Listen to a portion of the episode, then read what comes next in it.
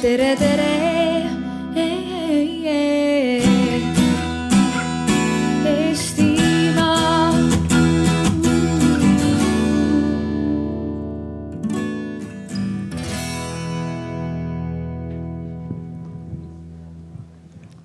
Nii, tere tulemast eh, kõik siia seitsmendale värske teaduse alale, kus me alustame kohe siis debatti.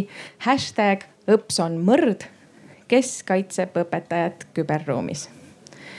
ja kust selline teema sellisel ilusal päeval, et äh, tegelikult selle teema juured avaliku debatti jõudsid võib-olla kõige selgemalt kahekümne teisel jaanuaril mil ühe artikli kirjutas Postimehesse professor Martin Ehala ja ta kirjutas, et väga paljud meie õpetajaist kannatavad õpilaste ja ka lapsevanemate vaimse terrori all.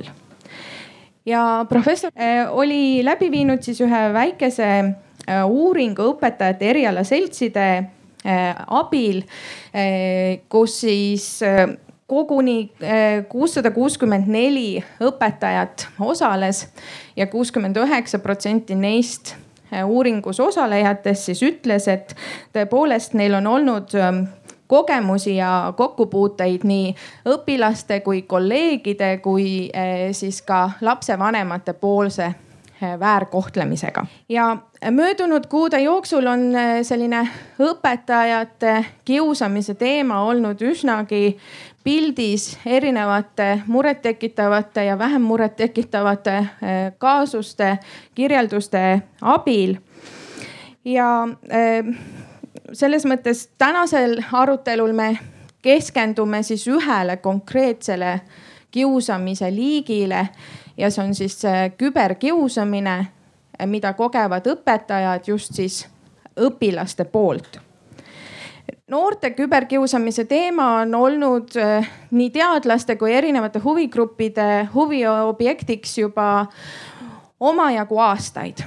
Ja äh, väga tore on tõdeda, et paljud huvigrupid on võtnud äh, vaevaks korraldada erinevaid suuri kampaaniaid, teavitusseminare, koolitusi küberkiusamise teemal ometi näitavad erinevad teadusuuringud seda, et küberkiusamine ka Eesti noorte omavahelises suhtluses ei ole hakanud kuidagi vähenema, pigem vastupidi et kui aastal kaks tuhat kümme viisime Tartu Ülikoolis äh, läbi uuringu EU Kids Online, kus osales üle tuhande üheksa kuni seitsmeteistkümne aastase noore, siis äh, aasta jooksul nendest noortest kümme protsenti ütles, et nad on kogenud küberkiusamist, siis möödunud suvel läbi viidud uuring ütles, et üheteistkümne kuni seitsmeteistkümne aastastest on viimase aasta jooksul kogenud küberkiusamist seitseteist protsenti noortest. Ja nelikümmend protsenti noortest on äh, küberkiusamist ka pealt näinud. Ja tõepoolest see küberkiusamine ei ole siis ainult noortevaheline asi, vaid, äh, vaid jõuab äh, siis ka generatsioonide vahelisse äh, suhtlusesse selge probleemina. nii et äh, täna ongi just seesama teema siin arutelu nurgas meie peamiseks arutelu objektiks ja mul on väga hea meel, et, et siia siis on kogunenud väga head oma ala äh, praktikud sellel teemal kaasa mõtlema ja arutlema. see teema siia jõudis seeläbi, et äh, juunis äh, kaks tuhat üheksateist kaitses Tartu Ülikooli Ühiskonnateaduste Instituudis oma kommunikatsioonijuhtimise eriala magistritöö Kätlin Jürissaar, kelle töö tulemustele tuginevalt siis paljuski meie tänane arutelu siin toimema hakkab ja Katrin äh, räägib siis oma töö tulemustest kohe peatselt lähemalt. lisaks on siis meie diskussioonis äh, arutamas äh, sellel teemal Urmas Heinaste, kes on ise tegevõpetaja Annelinna koolis ja erinevate õpetajate er-, erialaseltside liige ja Kätlin Konstaabel, kes on pereterapeut, psühholoog ja aktiivselt võtnud sõna interneti ja suhtluse teemadel kolumnistina Postimehes ning igapäevatööd nendel teemadel eh, tehes ja nõustades peresid ja eh, õpilasi. ja seda vestlust siis aitan suunata mina eh, professor Andra Siibak, meediauuringute professor Tartu Ülikoolist, kes aitasin siis Kätlinil muuhulgas seda tööd ka juhendada ja, ja teha. Ja ka kõigepealt siis äh, annaksingi sõna Kätlinile, kes räägib natuke lähemalt, mida ta tegi ja mida ta kuulis. Nii, tere kõigile, väga hea meel on siin näha äh, meid siin arutlejaid ja kuulajaid. tõesti, mina uurisin õpetajate küberkiusamist, seda, kuidas õpilased õpetajaid küberkiusavad ja minu fookus oli siis üldhariduskooli õpetajatel ja minu valimisse tulid kohale, nii-öelda sain haarata enda ümbrusesse neliteist õpetajat, praegust või endist, kes on siis sellega kokku puutunud. ja minu fookus oli sellel, et teada saada, milliste küberkiusamise vormidega õpetajad nii-öelda on silmitsi pidanud seisma. millised on olnud tagajärjed küberkiusamise nii-öelda juhtumi, juhtumi järel ning millised on siis õpetajate ootused ja arvamused sellele, kuidas tegelikult saaks üldse küberkiusamisega tegeleda, et see probleem leiaks lahenduse? ja kui rääkida üldse küberkiusamisest, siis defineeriks kõigepealt selle ära. et teaduslikult öeldakse, et küberkiusamine on tahtlik ja agressiivne tegu, mida teostatakse elektrooniliste vahendite abil korduvalt ja pikema aja jooksul. Minu uurimustöö jättis kõrvale korduva aspekti ja üldse ei, ma ei määranud ära selle aja ka, sellepärast et need õpetajad, kes on sellise asjaga kokku puutunud, on pigem peidus. Need ei saa nii kergelt kätte, nad ei räägi oma lugusid. ja tänu sellele minu valimi kaasamine oli läbi lumepallimeetodi ehk siis ma hakkasin kontakteeruma erinevate inimestega, keda mina teadsin, kes olid haridussüsteemis tegutsevad proovisin suhelda õpetajatega, keda mina teadsin ja uurisin, et kas teil on kogemus sellise asjaga ja kas te teate kedagi, kellel ehk on see. seejärel hakkasin ma saama aina rohkem tegelikult kontakte inimestest, kes võiksid neid teada või võiksid ka olla sellest nii-öelda kogemuse saanud. ja, ja minuni jõudsid päris paljud inimesed Eh, läbi nii-öelda kontakteerumise ja ma pean siinkohal tooma väga hea meelega välja tegelikult Eesti Õpetajate Liidu ja Kiusamisvaba Kooli, kellega ma tihedalt tegin koostööd ja kes aitasid mul tegelikult jõuda veel nii-öelda spetsialistideni, kes on pidanud sellise asjaga silmitsi seisma. et kui rääkida äh, värbamisest veel, siis äh, alguses see kõik läks väga raskelt need õpetajad ei jõudnud kohale, sest et ei tahetudki rääkida. mõned õpetajad ütlesid, et mul on sihuke lugu, aga ma ei taha sellest rääkida avalikult. ja siis pärast seda ma leidsin, et äh, on vaja kuidagi see sõnum sellest tööst ja sellest eesmärgist laiali ajada. ja ma tegin video üleskutse, äh, mida ma sotsiaalmeedias jagasin ja mida ka siis äh, Kiva talvekoolis jagas ja läbi nende jõudsin ka nendeni ja mul on väga hea meel, et need õpetajad siis tulid ja olid nõus jagama minuga neid lugusid. kui rääkida sellest valimi nii-öelda olemusest, siis äh, mul valimisse kuulus kaksteist naisõpetajat ja kaks meesõpetajat. vanuseliselt äh, oli niimoodi äh, tööstaaži osas just, et õpetajaid üle viie aasta tööstaažiga oli kuus ja üle kümne kuni üle kahekümne aastaks, siis kümme pluss aastat, neid oli siis kaheksa. ehk siis vanusel tööstaaži osas ei olnud siin kindlat grupeeringut, et kes kõige rohkem küberkiusamise alla satub. ja kui rääkida statistikast, siis äh, välismaal, näiteks Inglismaal tehti kahe tuhande kolmeteistkümnendal aastal uurimus, kus äh,, mis oli veebiküsitluse kaudu teostatud vastas tuhat viissada kakskümmend kaks õpetajat. ja kui rääkida küberkiusamise liikidest, siis seal olid õpetajad, kes olid enim kokku puutunud solvavate kommentaaridega online keskkonnas. Neid oli kuuskümmend üks koma kaks protsenti.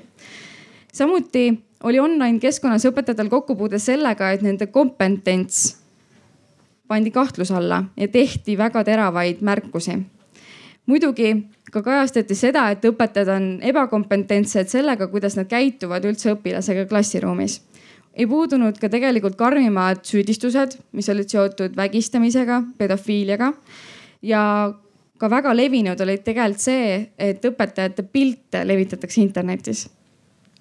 ja ka muidugi tehakse libakontosid. siis Tšehhis tehti siin just kaks aastat tagasi, kaks tuhat seitseteist uuring, kus, mis oli samuti tegelikult kvantitatiivne ja vastas üle viie tuhande õpetaja. ja võib öelda, et tulemuste kohaselt kakskümmend üks koma seitsekümmend kolm protsenti oli siis kogenud õpilaste poolt küberkiusamist.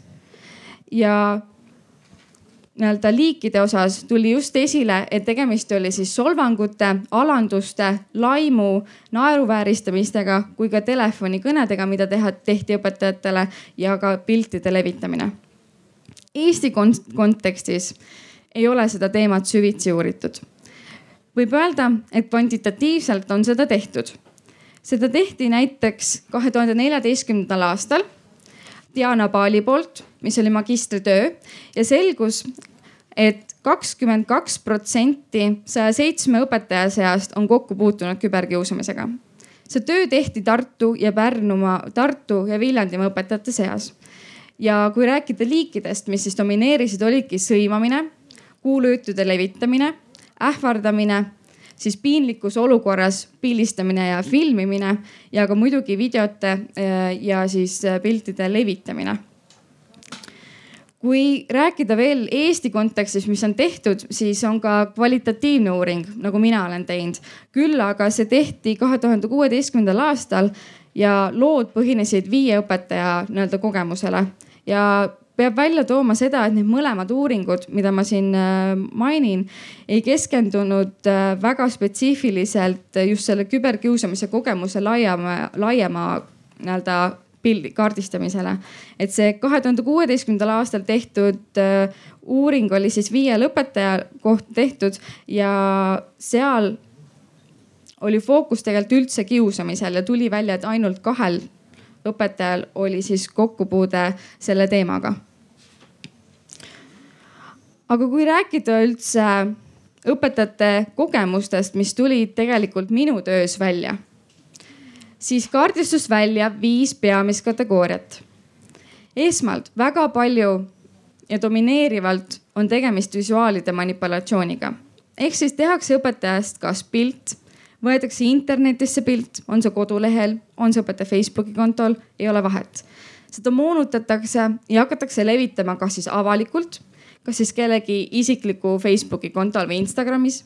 tehakse näiteks mingi meemikonto või siis ka tehakse väga tihti seda poolavalikult, ehk siis luuakse mingid ühisgrupid, ühisvestlused, kus õpetajad tagasi mõnitama, saadetakse neid pilte laiali, toimub väga räige solvangute puhang.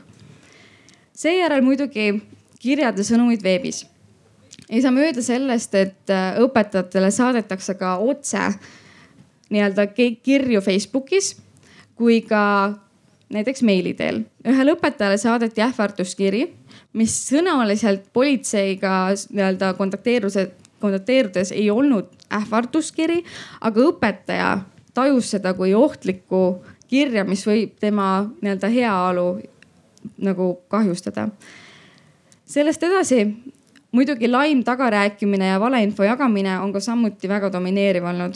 ehk siis õpetajad äh, satuvad kas siis sellele, et õpilane paneb kooli enda lehele mingi postituse õpetaja kohta ilma vali, valimata sõnu, valimata seda, mis ta selle näiteks postitusega kaasa paneb. ja ka muidugi hästi palju poolprivaatsetel äh, privaatsetes gruppides toimub see arutelu, et kuidas see õpetaja käitub, mis ta teinud on, kes ta on ja kõik see sellega juurde kaasab minev. ja muidugi meil oli lugu ka sellest, et äh, avalikult saab veebikommentaariumites äh, õpetajad küberkiusata. seda küll privaatselt, sest et meil on saite, kes ei lase nagu läbi seda, et kes räägib, aga õpetajal tuli välja läbi nii-öelda teiste õpilaste, et need õpet-, õpilased äh, rääkisid seal õpetajat äh, väga halvasti taga. tooksin välja nüüd kaks karmimat juhtumit. valimisse sattus õpetaja, kes oli kokku puutunud identiteedivargusega. see on tegelikult karistatav ja tegemist oli siis äh, juhtumiga, kus siis õpetaja sotsiaalmeedias tehti nii-öelda koopia ja õpilased hakkasid seal tegutsema õpetaja nime, nina all. niimoodi tegutsedes kooli keskkonna nii-öelda inimestega seoses ja õpilaste ja õpetajate nii-öelda kontodel. ja töötajate puhul oligi, et selle õpetaja kaaskolleegid tulid ta juurde, ütlesid, et oota, miks sa seal veebis niimoodi käitud, et mis toimub. Ja ahistav jälitamine veebis oli üks juhtum, kus äh, õpetaja sotsiaalmeedia sisu siis üks õpilane pidevalt jälgis ja see ei piirdunud ainult jälgimisega, vaid see läks selleni, et õpilane hakkas teda terroriseerima pidevate libakontodega. soovis seda temaga sõbraks saada. ja peab ütlema, et see küberkiusamine liikus ka klassiruumi, kus õpilane püüdis õpetaja tähelepanu saada sellega, et ta pidevalt ütles talle, et ohoo, ma tean, mis sa teed seal, kuule, ma leidsin, et sul on Instagrami konto ka. et äh, see kõik läks selleni välja, ehk siis need kogemused, mis õpetajatel on, need neliteist õpetajat, kes minuni jõudsid, näitasid seda, et ei ole tegu ainult ühe liigiga on tegu asjadega, millega me võib-olla ei suudagi mõelda ja ma tegin selle uuringu raames ka intervjuu endise veebikonstaabli Maarja Punakuga, sest et õpetajad leidsid, et see on väga oluline instants sellel teemal. ja Maarja Punak rääkis, et temal ei ole kogemust olnud, et Eestis oleks selline asi, asi olnud nagu ahistav jälitamine veebis. ehk siis minu uuringust tuli välja see, et peituvad lood, millest me veel ei teagi, et neid võib olla väga-väga palju no need olid üsna sellised äh, tumedad pildid, mida sa praegu siin selle paari minuti jooksul äh, jõudsid äh, maalida. me kuuleme neid õpetajate lugusid siin tänase diskussiooni juures kindlasti veel ja õpetajate enda sõnadega aga praegu ma küsiksin, Urmas, teie olete nüüd omajagu aastaid koolis töötanud, erinevates erialaseltsides, erinevate kolleegidega aastaid suhelnud olete te enda koolis või enda kolleegide suust sarnaseid kogemusi juhtunud kuulma? tähendab kõigepealt äh, väike tutvustus, et ma olen äh, täna õpetajate koostöökojas, mis liidab kaheksateist õpetajate organisatsiooni ja eelmisel nädalal toimus meil just äh, Innove toel suur koolitus, kus väga palju õpetajate ühenduste esindajaid sai kokku ja seal siis ma teades, et ma tulen siia Äh, palusin siis ka nendelt äh, kommentaare antud asja kohta. ma võin öelda seda, et umbes kümme protsenti õpetajaid suutis vastata küsimusele, kas neil on mingi teadmine või kogemus küberkiusamise kohta. et äh, noh, kümme protsenti oskasid vastata. kui nüüd täpsemalt uurida, siis probleem on ilmselt selles, et küberkiusamine on niivõrd üldine mõiste, et inimesed ei teadvusta täpselt seda, mis sa need äh, näidetena või äh, kategooriatena välja tõid. ja kui ma nüüd praegu siin mõtlesin, siis mul tuli meelde, mind on ka küberkiusatud. aga äh, see tuli mulle meelde alles nüüd et see võtab aega, et sa need asjad, mis sulle ei meeldi, oma mälust kuidagi tagasi kerida, tahad sellele, sellest üldse noh, mõelda selle peale või sellest küsimusest rääkida aga ma võin seda juhtumit siiski kirjeldada, sest noh, sellest on hea palju aastaid möödas. ma arvutiõpetajana olen äh, hästi palju internetis aktiivne ja juhtus selline lugu, et ma ühest arvutiklassist teise minnes jätsin lahti oma Facebooki konto. ja, ja siis mul oli vaja suhelda ühe äh, rahvusvahelise partneriga ja sinna sekkus siis tundmatu tegija, äh, kes hakkas ropendama ja sõimama seda rahvusvahelist partnerit muidugi arvutiõpetajana ma ka tean, et ühtegi internetitegevust ei saa teha anonüümselt. nii et eh, ma olen suutnud kõik need inimesed, kes on teinud midagi valesti ja kellega noh, tegevus on olnud minu ruumides tuvastada ja see noh asja, asja rakendada. et äh, siit ma tulengi selle järelduse juurde, mis ma tegin veel enne, et kogu küberkiusamine sõltub keskkonnast. sest kui ma küsisin ka õpetajate käest ja, ja mis nad arvasid või kirjeldasid neid juhtumeid, mis neil üldse oli, siis äh, alati kooli juhtkond väga resoluutselt ja kiiresti reageeris lõpetas selle võimaliku tegevuse ära ja siis, kui see oli peatatud, siis hakati noh neid jälgi kustutama ja seda lahendama ja nii edasi aga selle konkreetse sinu kogemuse puhul, et eh, kuidas see rahvusvaheline partner seda kõike võttis, tuli palju nii-öelda selgitustööd teha? Noh, õnneks oli rahvusvaheline partner ka internetitegevustega kohanud, et kui ma aru sain ja teda teavitasin selle ja parool, noh kiiresti parooli ära vahetasin, sest siis ma veel ei teadnud, kes kus seda tegi, aga ma teadsin, mis ma pean tegema, et ma pean kõigepealt lõpetama selle võimaluse, et keegi kuskilt mujalt saab sekkuda minu tegevusse.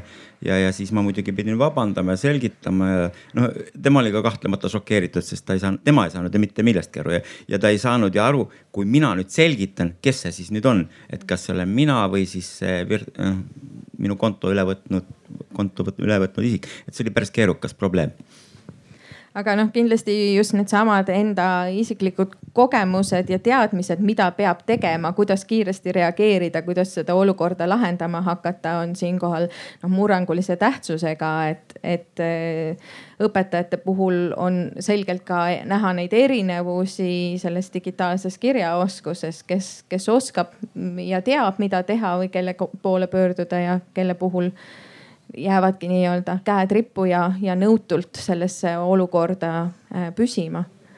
aga võib-olla ma küsiks nüüd hoopis nii, et noh, paljud meist võivad nüüd mõelda, et kuidas selline kiusamise olukord võib ikkagi üldse tekkida, et äh, õpetaja on ju õpilase suhtes koolis ikkagi alati võimupositsioonil, et kuidas üldse on mõeldav see, et see võimupositsioon järsku kaduma läheb et Kätlin, mis te, mis teie arvate, kuidas sellised küberkiusamise olukorrad, millest need võivad tingitud olla? no see võib tingitud olla väga mitmest asjast, et üks asi on see, et kui on õpilasel selle õpetajaga mingi teema, see aine ei meeldi või õpetaja suhtumine või mis iganes ei meeldi, antipaatia, mis tegelikult võib jah, paratamatult olla seal klassiruumis ka ju vastastikune, eks õpilased tajuvad ära, kes on õpetaja poolt heas kirjas ja kes ei ole see on üks teema, teine võib olla hoopis vastu, vastupidine, ehk siis mõni õpetaja hakkab väga meeldima ja siis äh, hakkab toimuma see ahistav jälitamine või, või jälitav ahistamine. mina olen oma kolleegidelt, kes töötavad koolides, korduvalt kuulnud neid lugusid, kus nad on pidanud väga täpselt läbi mõtlema kogu oma sotsiaalmeediasuhtluse.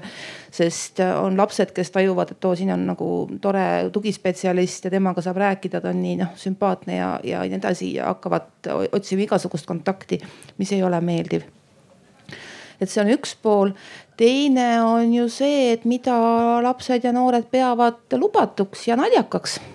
ja siin minu meelest on väga suur koht äh, suurtel nüüd tegelikult ju peeglisse vaadata, et seesama, mis siin oli juttu, äh, visuaalide manipuleerimine kõlas see peenelt, tegelikult see on üks see, et teeme kellestki võib-olla pilte ja korjame üles ja siis saadame ja teeme naljakaid moonutusi sinna ja et äh, küsimus auditooriumile, paljud on küsinud oma lähedaste, muuhulgas laste käest luba, kui nad panevad neist tehtud pilti oma sotsiaalmeediakontodele supernummide pealkirjadega, paljud küsivad reaalselt luba. Või me arvame, et meil on õigus oma lapsest levitada mis iganes infot. Tahame, kui see meie arvates on väga-väga naljakas. et, et see on nagu see mõtlemiskoht või siis kui palju me arutame enda arvates võib-olla vaimukalt, aga võib-olla päris teravalt ka oma mingites gruppides inimeste üle, kes meile, ma ei tea, vaadete või millegi poolest ei meeldi. ja siis, kui meile tundub, et, ähm, et noh, avalikult nagu ei taha, et ikkagi oma nime all siis lähme mingisse kitsamasse gruppi ja siis paneme täiega nii et noh, minu meelest on see väga tõsine koht, kus suured peavad peeglisse vaatama, sest tegelikult lapsed aimavad selle ära. Nad ju näevad, mis toimuvad suurte kusagil kommentaariumides, keskkondades. aga miks siis nemad ei või? Ja rääkimata muidugi sellest äh, klassikalisest teemast, et mis on see netikäitumise eripära, et tajutakse ennast anonüümsena ka siis, kui äh, me oleme oma nimega, aga me oleme tegelikult oma ekraani ees üksi, me tajume, et me oleme nähtamatud. Äh, tajume, et me võime tegutseda ja võib-olla ikkagi me ei ole kättesaadavad, kuigi mõistusega me teame, lapsed teavad ka, et igalt poolt saab IP välja kookida.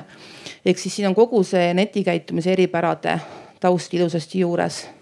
Miks julgetakse teha netis asju, mida päriselus võib-olla nii kergesti ikka ei tee? et neid on hästi palju erinevaid tegureid Urmas, mis teie arvate selle võimu küsimuse osas, kuidas, kuidas need olukorrad võivad tekkida?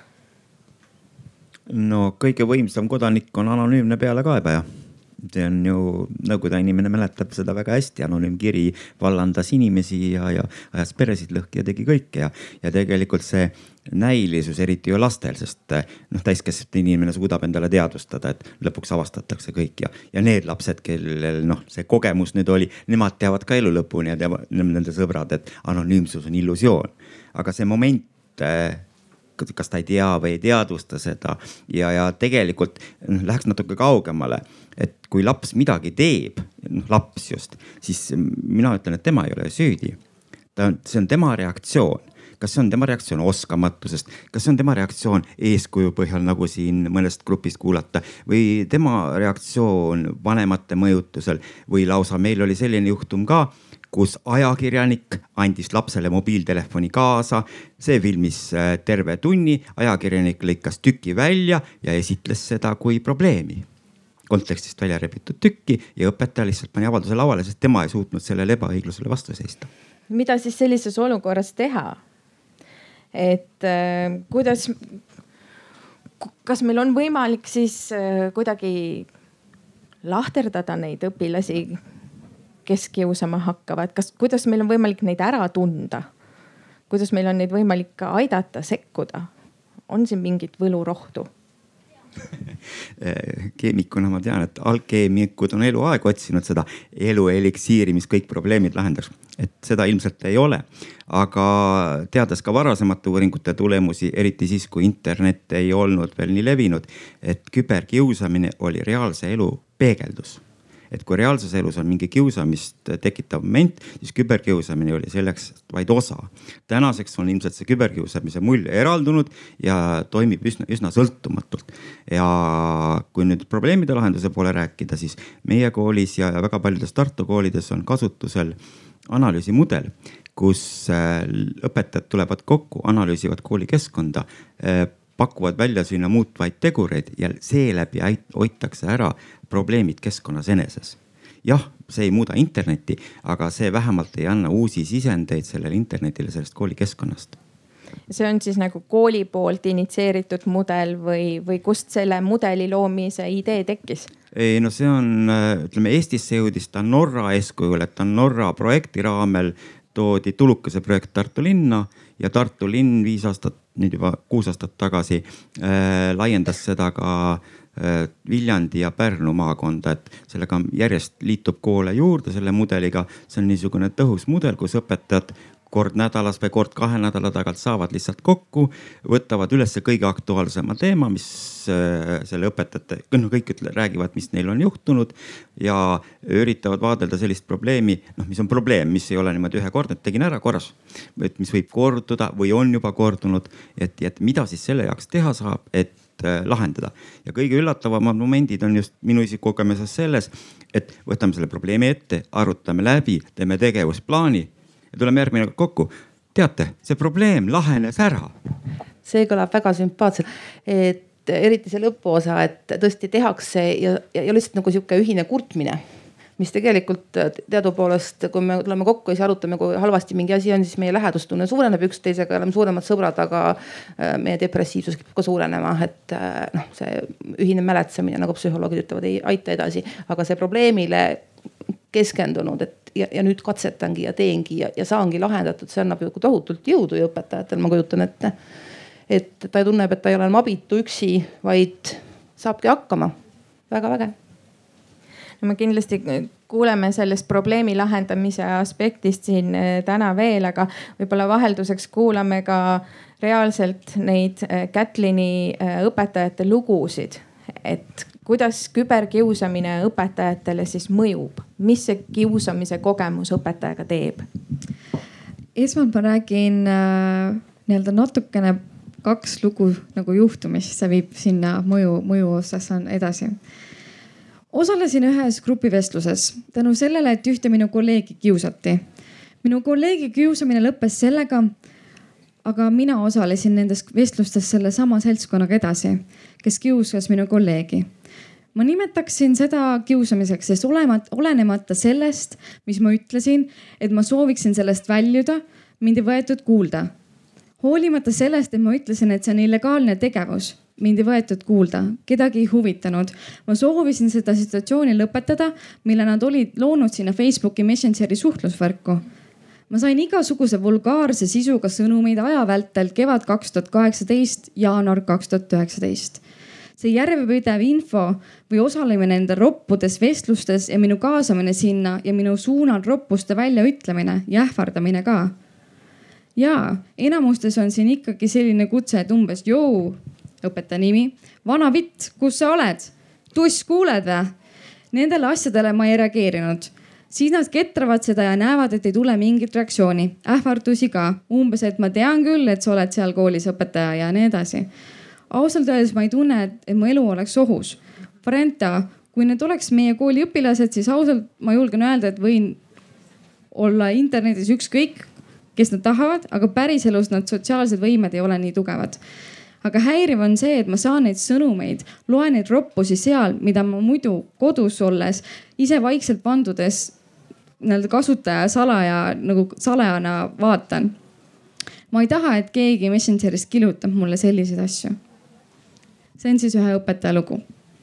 siis äh, ma räägiks ka sihukese loo mm. -hmm. see algas tegelikult juba esimeses klassis. ma arvan, et see jätkus hmm oli esimene koolipäev ja see õpilane tuli minu juurde, ütles, et oo, me vaatasime sind Facebookis, et milline sa oled. ma nägin sind seal. too aeg ei osanud ma midagi mõelda, et no ikka vaatad üle, kes on uus klassiõpetaja. Mis seal siis ikka, lapsed on ausad ja räägivad. et kodus on uuritud ja siis mingi aeg läks sellest mööda ja siis ta muudkui tuli, et näed, sul on seal selline pilt Facebookis. näed, tuli siis minule näitama. ütlesin, et jaa, ma tean, et see on minu konto ja siis mingi hetk avastas, et mul on Instagram. mul on kinnine konto, et seda näevad siis inimesed, keda ma tahan, et seda näevad. ja siis tuli ka, et aa õpetaja, ma tean, et sul on Instagram ja järjest see jätkus ja jätkus ja siis ma ütlesin ka talle, et ära ikkagi käi ja jälgi neid. see on ikkagi mu isiklikud asjad ja sa ei pea vaatamas käima. ja no klassis käis ka ringi ja näitas, et õpetajal on selline pilt ja no sellised asjad. Õnneks mul ei olnud seal mitte midagi hullu, täiesti tavalised pildid, aga ikkagi see häiris mind, et niimoodi. et vaata siis üksi, kui tahad, aga ära kuuluta, et õpetajal on selline ja selline konto ja mingi hetk nägin, et ta saatis Instagramis mulle selle jälitamistaotluse. ma panin selle panin selle ette, ei nõustu sellega ja siis hakkas järjest tulema ja tulema ja lõpuks panin ta kontole blokeeringu peale, et rohkem ei näeks. ja siis tuli järgmine konto. kordus täpselt sama asi ja järgmine ja lõpuks neid kontosid oli vist Instagramis neliteist, mida ta kogu aeg tegi ja tegi. ma panin siis blokeeringu peale ja Facebookis on tal kaheksa erinevat kontot, millega ta proovis mind sõbraks saada siis mina küsisin, aga nagu see juhtum, kas see juhtum oli väga ammu või aastaid kestnud? eelmine aasta siis algas ja ma unustasin, kuhu ma tahtsin jõuda, miks ma üldse vanematele kirjutasin. oli see, et ta tegi mu ühe tuttava nimega konto endale sinna Instagrami ja esialgu vaatasin, et ta tegi, oh mu tuttav tegi Instagrami konto. võtsin selle siis vastu ja siis ma vaatasin ja mõtlesin, et oo, vaatan tema kontot ka.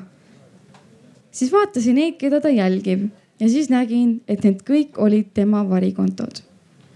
keda ta ainsana jälgis ja keda ta, keda tema siis jälgis.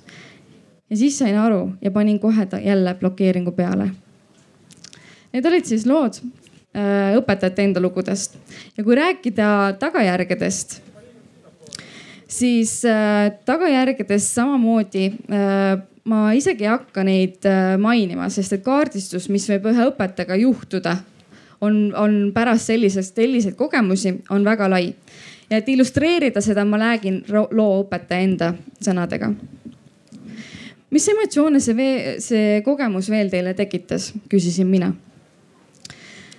see oli ikka väga-väga raske et noh, ma põhimõtteliselt ei tahtnud enam sinna kooli tööle minna ega midagi noh, ikka täiesti niimoodi, et kui niimoodi mõnitatakse juba, et noh, see lõi ikka jalad alt ära päris mitmeks nädalaks. ja noh, siis hiljem tuli kuu või hiljem, siis tuli see jama peale ja siis oli see õudne koosolek ja üks asi teine otsa, ei, ei olnud hool ega hoobil vahet. okei okay., aga me natuke rääkisime, kuidas see küberkiusamine juhtum mõjutas teid. aga kuivõrd mõjutas antud küberkiusamise juhtum teie igapäevast elu? Mõtleb. ma tulin koju. ma ei olnud võimeline oma perega suhtlema. terve pere kannatas selle all, et ma ei suutnud lapsega koos õppida ega mehele partner olla kõik jutud, mida ma rääkisin, kõik keerlesid ühe sama teema ümber. et noh, ma arvan, et see lõi ikka psühholoogiliselt täiesti segamini kogu meie pereelu ja kõik, kõik. arvata on, aga te mainisite, et see koosolek, mis oli pärast küberkiusamise juhtumit ja teise õpilasega, et pärast seda oli teil lausa see, et vererõhk läks kõrgeks ja kiirabi tuli aitama kas selle küberkiusamise juhtumi juures oli ka mingit meditsiinilist abi, mida tundsite, et vajate? mõtleb e,. mul olid ka vererõhuprobleemid, aga siis ma käisin selle perearsti juures, jah, mingid päevad siis vaatasin, andsin tunnid ära, siis mul oli väiksem koormus, mõni päev oli ainult kaks tundi. siis ma andsin tunnid ära ja käisin arsti juures analüüse tegemas ja südameuuringutel. see oli küll, aga noh, kunagi kuna mul oligi niimoodi, et arst ütles ka, et see on sinu emotsionaalne reageering asjale, et siin ei ole seda, et ma kirjutan rohu välja ja saad seda kogu aeg võtta. aga siis oligi, et vererõhk läks kahesaja peale. ma mingisuguseid asju võtsin, aga need ei võtnud seda rõhku alla, tähendab Balderani põhiselt. Et noh kui üks, kaks, kolm ei aita, siis võtke ikka viis tabletti Balderani. aa, oligi muideks üks asi peale seda küberkiusamist selle klassitundide eel võtsin ma alati Balderani sisse, et ma suudaks üldse seal klassi ees olla, sest tunnist tulles, siis tunnist tulles jõin ma kohvi, et saaks jälle rõhk tagasi. et noh, seal ei olnud võimalik lihtsalt töötada ilma Balderanita. hästi, et te tegelesite sellega aga te mainisite veel, et klassis ei tahtnud, et klassi ei tahtnud minna, kuidagi ei olnud soovi, et seda klassi üldse õpetada. kas oli veel, kas te tundsite, et see küberkiusamise juhtum mõjutas ka teie töömeetodeid?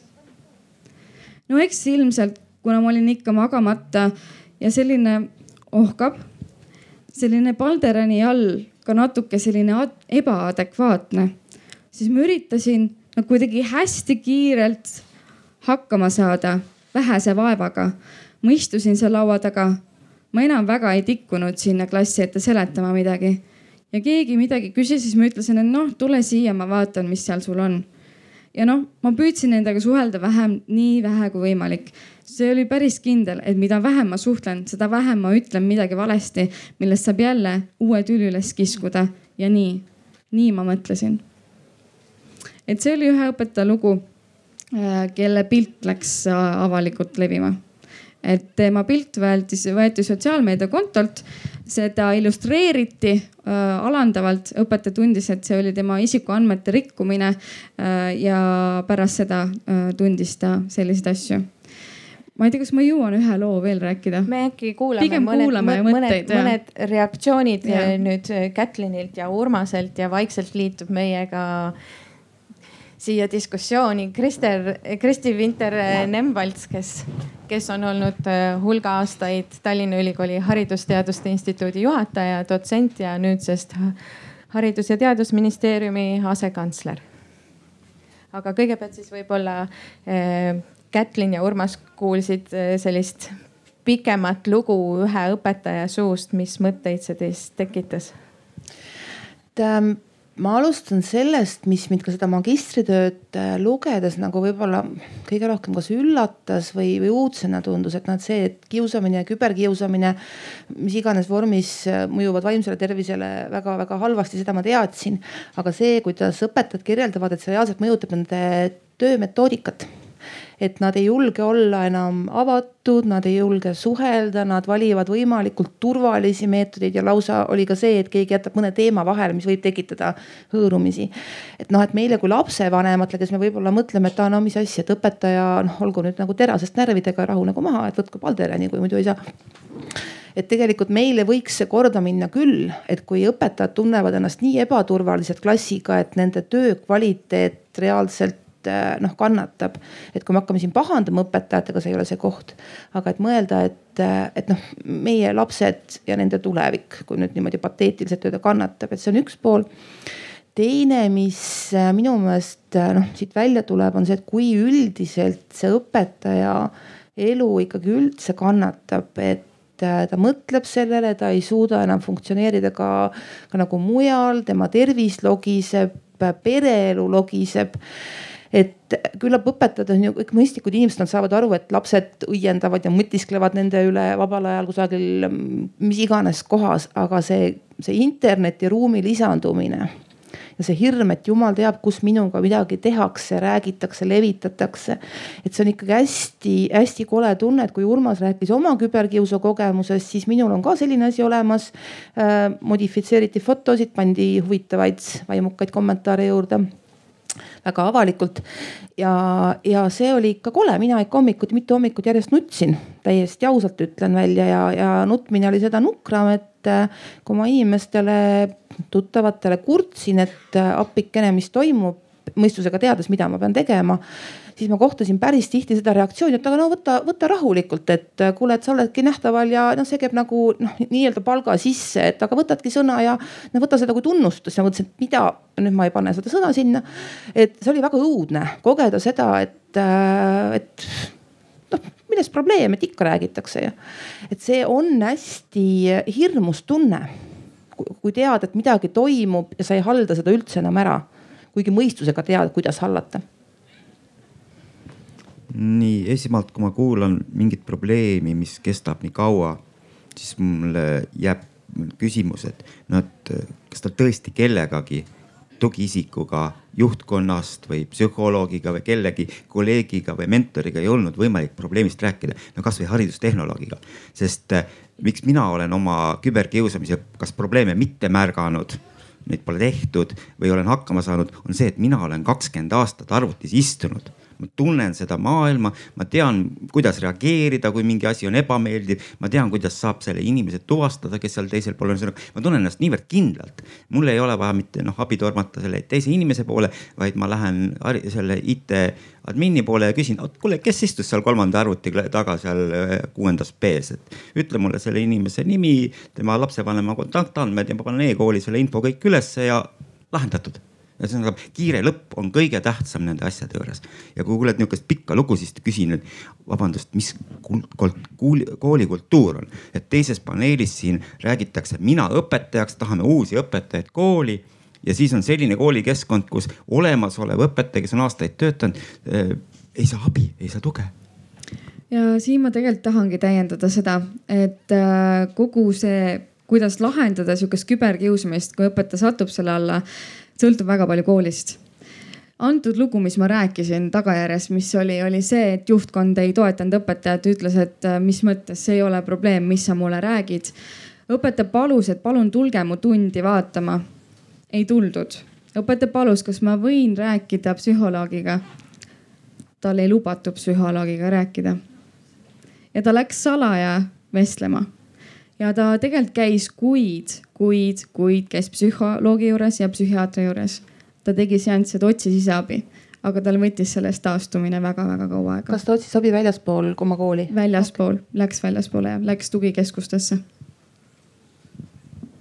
nojah, see kolleeg, kes äh, sattus videokiusamise ohvriks oli kah, ta pani avalduse järgmine päev letti, sellepärast et kogu kooli jaoks, juhtkonna jaoks kaasa arvatud, oli see nii jahmatav. Nad ei osanud mitte midagi teha ja kuna keegi mitte midagi teha ei osanud koolis, siis ta lihtsalt läks ära koolist ja ma tahan ka siin öelda, et äh, just see koolist lahkumine, seda oli äh, minu valimi puhul, kus oli neliteist õpetajat, oli päris mitu. Nad ei lahkunud koolist Äh, küll otseselt küberkiusamise pärast, aga sellest sai alguse nii-öelda konfliktid koolis, mis edasi kasvasid ja sellised asjad võivad viia õpetaja töökarjääri lõpetamisele. no Kristi, sina oled aastaid olnud erinevate haridusasutuste juht. et kuidas sa nagu juhina eh, seda nüüd praegu kuulad, et juhid ja juhtkond saab nii-öelda oma kapsaaeda üsna palju kive. et mis sa soovitaksid nendele juhtidele? Nojah, ma just jooksin paneelist, kus see juhtide teema oli hästi teravalt päevakorras. Ja loomulikult äh, koolikultuuri loob juht see on nagu kindel ja selles mõttes praegu seda, seda näidet koos selle taustainfoga kuulates on nagu üsna õudne mõelda, et meil on Eestis selliseid koole. Äh, noh, kus, kus õpetaja jäetakse nende kiusamisjuhtumitega äh, üksi või, või isegi nagu halvustatakse teda sellepärast. sest et noh, mulle tundub ka, et see tegelikult, mis Urmas välja tõi, et, et äh, meil on digipädevamaid ja vähem digipädevamaid õpetajaid ja tõenäoliselt loob tausta ja fooni kogu sellele kiusamisjuhtumile ka see, et kui, kui hästi noh, õpetaja üldse selles maailmas nagu orienteerub. ja jah, aga, aga koolijuhi vaates küll on, on, on hirmutav kuulda, et meil on selliseid koolijuhte, nii et, et, et jah, juht on kindlasti see, kes, kes peaks toetama õpetajat sellises olukorras ja pigem talle soovitama neid erinevaid viise olema selles, sealt välja tulemises kaasas ja üks mõte tegelikult võib-olla veel, mis, mis ei ole küll vastus sinu küsimusele, aga, aga mis minul ka äh, hästi kõrvu kumama jäi. et, äh, et kui me räägime sellisest äh, no nüüdisaegsest koolist ja siin oli juttu sellest, et kui halvavalt mõjub õpetajale see kiusamisjuhtum selles osas, mida ta klassiruumis teeb ma ei tea, kuni selleni välja, mis meetodeid ta kasutab, kas ta õpilastega üldse suhtleb või ei suhtle. no siis, siis ka see on asi, mida, mida kindlasti ei saa üks, üks kool endale lubada. et, et sisuliselt, sisuliselt nagu noh, sealt edasi on ju õpilaste õppe, õppeprotsess häiritud, eks ole, ja, ja, ja see õpe ei vii nende tulemusteni, mis on vajalik, nii et noh, jällegi me jõuame koolijuhini välja, kui koolijuht ei, ei loo öö, sellist öö, vaimselt, emotsionaalselt turvalist õhustikku, õpetaja ei tunneta koolijuhi tuge, siis, siis tegelikult see kool ei toimi tõhusalt ja õpilased jäävad vajaliku noh, siis nii-öelda edenemisele aitamiseta. jah et äh, küsitledes kolleege äh, haridusühendustes tuli välja ka üks teistpidine asi, et kui koolijuhi usk ja tugi on pime, siis lapsevanem lööb lootusetult käega, et, et, et ega meil ei jäägi midagi muud üle, kui teda anonüümselt kiusata, sest õpetajal on alati õigus. Ja seal Kätlini uuringus need õpetajad pakkusid ise ka erinevaid mõtteid, mida kooli juhtkond teha saaks ja üks asi, mis välja toodi, oli siis ka kooli kodukorda see küberkiusamise temaatika selgemalt sisse kirjutada ja, ja, ja seda seal lahata, nii et oleks selgelt näha, et kui sellised juhtumid tekivad, et mida siis peaks nii-öelda kool tegema ja kuidas ta reageerib, et mis sellisest mõttest arvata, kas sellest võiks olla abi? Urmas, mis sa arvad? on selleks vajadus? Tähendab, kui öelda selle läbimõtlemise protsessina, et noh, mida panna kooli kodukorda kirja ja kuidas seda ümber sõnastada, siis on selleks kindlasti vajadus olemas aga igasuguste dokumentide muutmine ja, ja sinna nende mõtete äraunustamine, see ei lahenda probleemi, sest kultuur ei muutu ühest lausest, mis nüüd õppekava või kuskil koolijuhitesse kirja pandi. et kultuur muutub ikka noh, pigem nihukestest projektilaadsetest tegevustest, kus õpetajad tulevad kokku ja, ja räägivad, julgevad rääkida, on kellega rääkida ja, ja, ja saavad tuge, et nad noh, võivad vabalt rääkida ja siis ei juhtu midagi. ei hakata kohe eh, nende toeks tormama, kaitsma, teisi ründama. Ega ei hakata neid ründama, et vaid lihtsalt kuulatakse ära see lugu. Et äh, minu meelest on siin mitu eri, eri varianti, üks on see, mis kodukorda panda, et mis ei ole okei okay,, et noh, et püssikooli kaasa ei võta ja õpetajat ei mõnita nii ja nii. aga siin tuleb noh, minu meelest võiks kasu olla, parandage mind, kui ma eksin sellest, kui koolil oleks mingi oma selge algoritm, et äh, kui õpetaja puutub kokku vot sellise, sellise asjaga, siis meie koolis tuleb tegutseda nii, õpetaja peaks tegutsema nii, saab otsida abi sellelt ja sellest kohalt, et käivitub vot see, mida, mida Urmas tegelikult väga hästi kirjeldas, ahah, ma lähen uurin sealt, teen selle asja, selle asja, see tegelikult annab õpetajatele ka jõudu. sest noh, see võib-olla kõlab pessimistlikult, et ma kahtlustan, et see nähtus ära päriselt ei kao et äh, õpilased on ikka olnud õpetajatega vahel konfliktis ja seda eri moel väljendanud. aga kui juba õpetaja teab, et äh, ahah, ma saan tegutseda niimoodi, pöörduda sinna, teha seda, võtta sellisel hetkel jutuks asi vanematega, no mis iganes et see on juba, oleks juba suur asi, sest no kodukorda neid väikseid samme ei saa kirja panna ja loomulikult see eeldab ka seda, et kool mõtestaks läbi, et mis see küberkiusamine on. sest siin on ka palju nagu ebaselgeid kohti, et kuidas me defineerime, et kas see, et kui, mis seal oli, et õpilane muudkui pöördub õpetaja poole kusagil suhtluskanalis, et sul on ilus välimus või ilusad jalad või ilusad rinnad. noh, mis, mis see on? Väga-väga klassikaline just nagu ei ole kiusamine, aga see on ikkagi ebameeldiv või et õpilased kusagil omavahel chat'is mingisuguses grupis jalutavad, et, et see on ka sihuke defineerimise küsimus. ja et arutada see koolist läbi ja anda ka vanematele teada, meil on nüüd selline nii-öelda algoritm, ma kasutan seda sõna, et see oleks hästi teadlik tegevus. see mõte tuli siin minu poolt. aga kui on koole, kes ütlevad, et see ei ole meie jaoks probleem see, meil ei ole selliseid juhtumeid, meil on kõik särasilmsed õpilased ja veel särasilmsemad õpetajad, et meil ei ole seda vaja. kas siis peaks ähm, ministeerium sekkuma? ma, ma tahaks ise tuua kiiresti ühe paralleeli, et väga paljudes koolides tehakse neid, ma ei tea, kas tulistamisõppusi või tulekahjuõppusi või mingeid siukseid asju, et koolid enamasti ei ole põlema läinud ja enamasti pole tulistatud, aga neid tehakse moel või teisel. noh, see on küsimus, et noh, et kui mõelda, et õppeprotsess reaalselt kannatab kui õpetajad on nii vormist väljas sellise asja tõttu, mida ikkagi igal pool ju eksisteerib, natuke ikka sedasama konflikti, siis noh, võiks seda mõtet püüda maha müüa, tulekahjusid ka ei ole ju kogu aeg. et äh, kui keegi väidab, et noh, probleemi ei ole ja tõesti kõik kõigiga vabalt suhtlevad, noh siis võib neid uskuda. aga kui inimesed nagu räägivad ainult siis, kui teine silmapaar on nurga taga ja muidu ei julge rääkida, no siis mina seda juttu ei usu jäin mõtlema selle peale, et, et ilmselt see on ka selline teema, mis ei olegi võib-olla mõnedes koolides niiviisi tõstatunud, et õpetajad on kuidagi saanud nende probleemidega ise, ise toime. noh, ja see repliik siin ministeeriumi aadressil, et, et ministeerium muidugi sekkub alati, kui on, kui on, kui on juhtumeid, kus siis osapooled ei ei, ei tule ise toime, aga, aga see ei ole kindlasti siin nagu lahendus, vaid pigem ma jäin ka enne mõtlema sellele, et, et üks asi on kodukord ja, ja, ja reeglid ja nende, nende sõnastamine. Ja siis noh, dokumentideks vormistamine, kui see jääb staatiliseks kuskile sahtlisse, siis ta tegelikult ei, ei toimi üks asi on see, et mõtestada need reeglid läbi koos õpetajatega, aga teine dimensioon on seal kõrval ka, et me teeme seda ju sellepärast, et õppijad saaksid sellest asjast teadlikumaks, miks mis tähendab seda, et, et ka õppijad peaksid olema seal kaasas või vähemalt peaks seda asja neile kuidagi aktuaalseks muutma, kas siis iga õppeaasta alguses uuesti või, sest see küberkiusamise teema õpetaja vaates on samamoodi üks sellise nii-öelda sotsiaalse kasvatuse või, või üld, üldoskuste omandamise osa.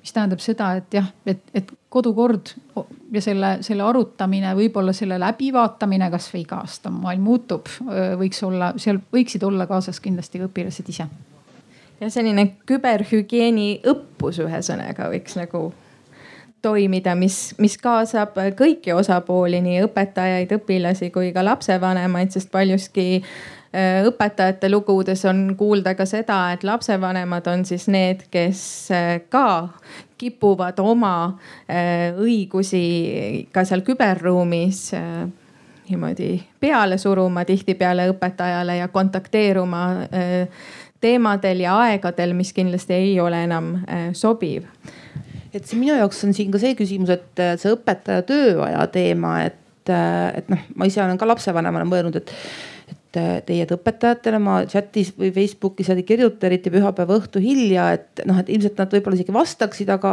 aga noh, õpetaja on ka inimene. või et millal ma eeldan seda vastust, et see on ju nii tavaline, et me eeldame, et kui me saadame kellelegi meili, et noh, võiks olla poole tunniga vastus tulnud.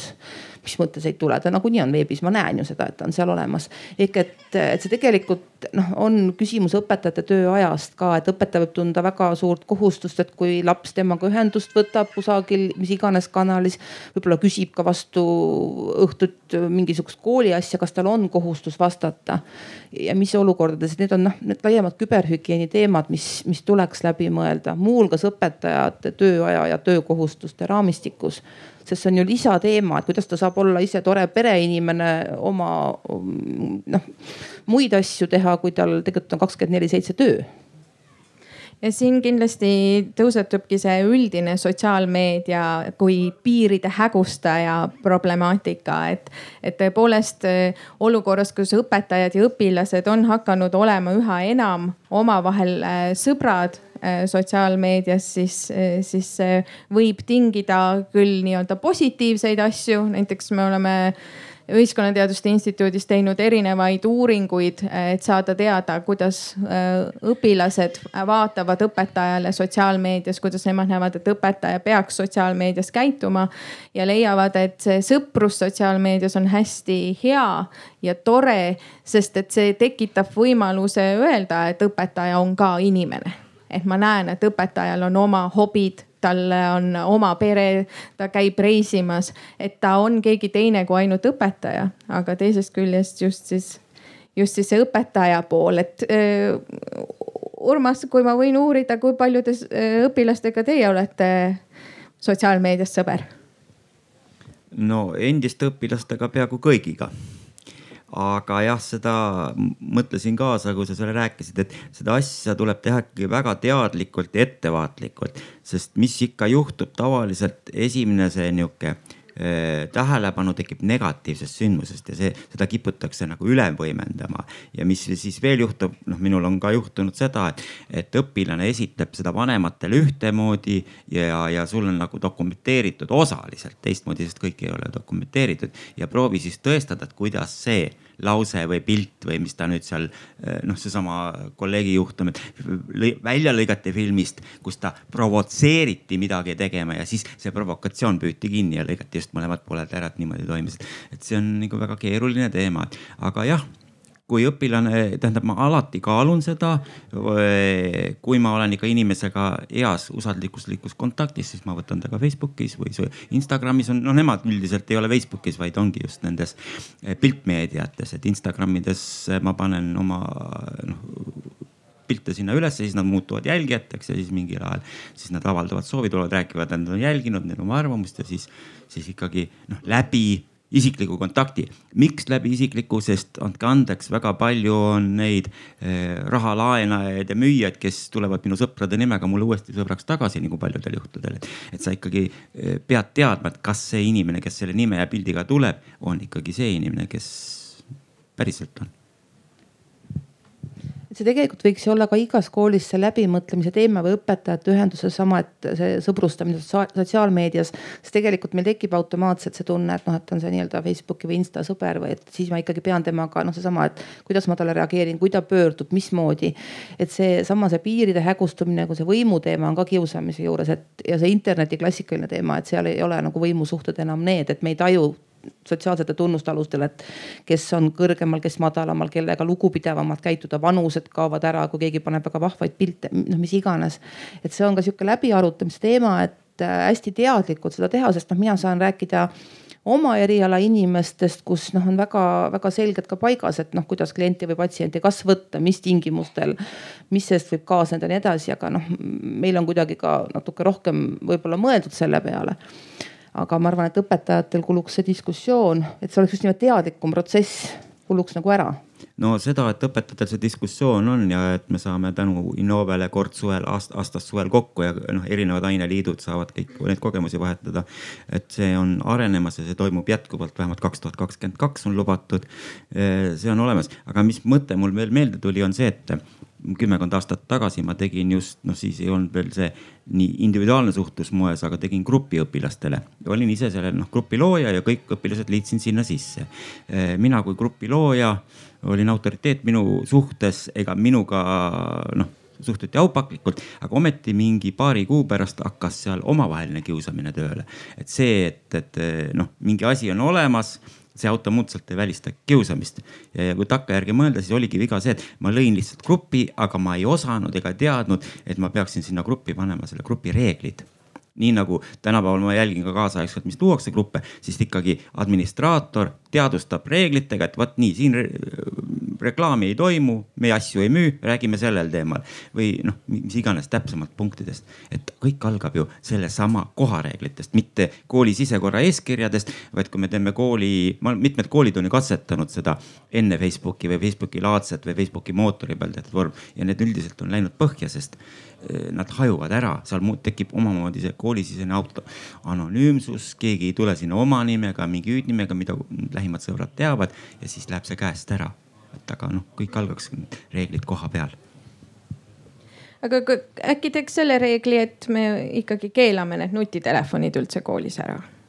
et äkki see lahendab osaliselt probleemid. Kätlin, sa teed sellist murelikku nägu selle peale, et ei, see ei ma, teen alati väga murelikku ja, ja hapuks läinud ja vastikut nägu, kui keegi ütleb kuidagi niimoodi põhjapanevat, et kas nutitelefon või nutiseade on hea või halb.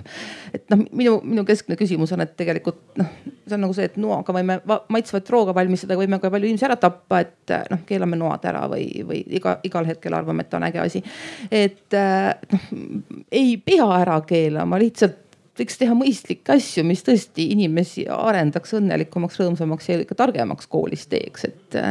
küsimus on, kuidas seda hallata, sest kui me arutame siin, et kas mingit noh, kuidas see kiusamise vastaseid, ma ei tea, kodukorra reegleid vastu võtta või mis iganes, tegelikult paljudes koolides on ikka ju arutelud üldse sel teemalgi, et mil moel kogu seda nutikasutust reguleerida. et noh, need on ju noh, ma käin ka päris tihti koolides sel teemal arutamas ja siis on nii tihti on ka mingid konfliktiteemad, et vanematel on ühe loodused, mõni vanem tahab väga matemaatika kontrolltöö ajal saada lapsega kontakti, et on ta ikka elus ja terve, ei ole ära jooksnud. ja teised õpetajad on rohkem hädas, kolmandad haldavad asja väga hästi oma isikliku autoriteediga ära, et noh, koolid tegelikult tihti noh, see on minu kogemus, kui mind kutsutakse rääkima, et noh, on selles kohas kinni, et kuidas kuidas, kuidas seal mõistlikud olukorrad paika panna, et kõik nendega ka nõus oleksid. Aga noh, see reegel noh, on ju lihtne, mis jah, et koolis ei peaks pildistama inimesi ilma nende loata, aga, aga nagu ma siin ka küsisin, et paljud meist tegelikult ise oma igapäevaelus sellest kinni peavad, et et pildistame võib-olla enda tarbeks, aga siis viskame kohe järgmiselt ja siitsamast Arvamusfestivalilt otse ja ilma kellegi käest küsimata läheb pilt üles Mina vahva seltskonna keskel. et, äh, et noh, mingid reeglid võiksid koolis olla, õppetöövälised, aga jällegi, et kui see on ainult koolis, siis võib-olla jääb väheks.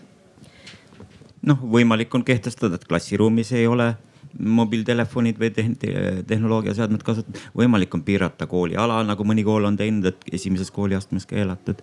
võimalik on jagada kooliseadmed, siis ei ole need sotsiaalmeediakontod seal avatud. ühesõnaga lahendusi on mitmeid, aga kindlasti ei ole universaalset lahendust olemas, et näe, keelame ära, see töötab nagu Prantsusmaal mõnedes koolides või kuskil maailmas proovitakse. ma pean Prantsusmaa kohta ütlema, et see on üks loll jutt, mis on laiali läinud, vabandust, Prantsusmaal keelati ära, seal on keelatud ära selleks, et kasutada lastele lõbutsemiseks ja nii edasi. kui seal on koolil oma seadmeid ja õppeprotsessid kasutatakse, siis pole seal keegi midagi ära keelanud. et seal on just nimelt see noh, millega meiegi siin Eesti hädas oleme.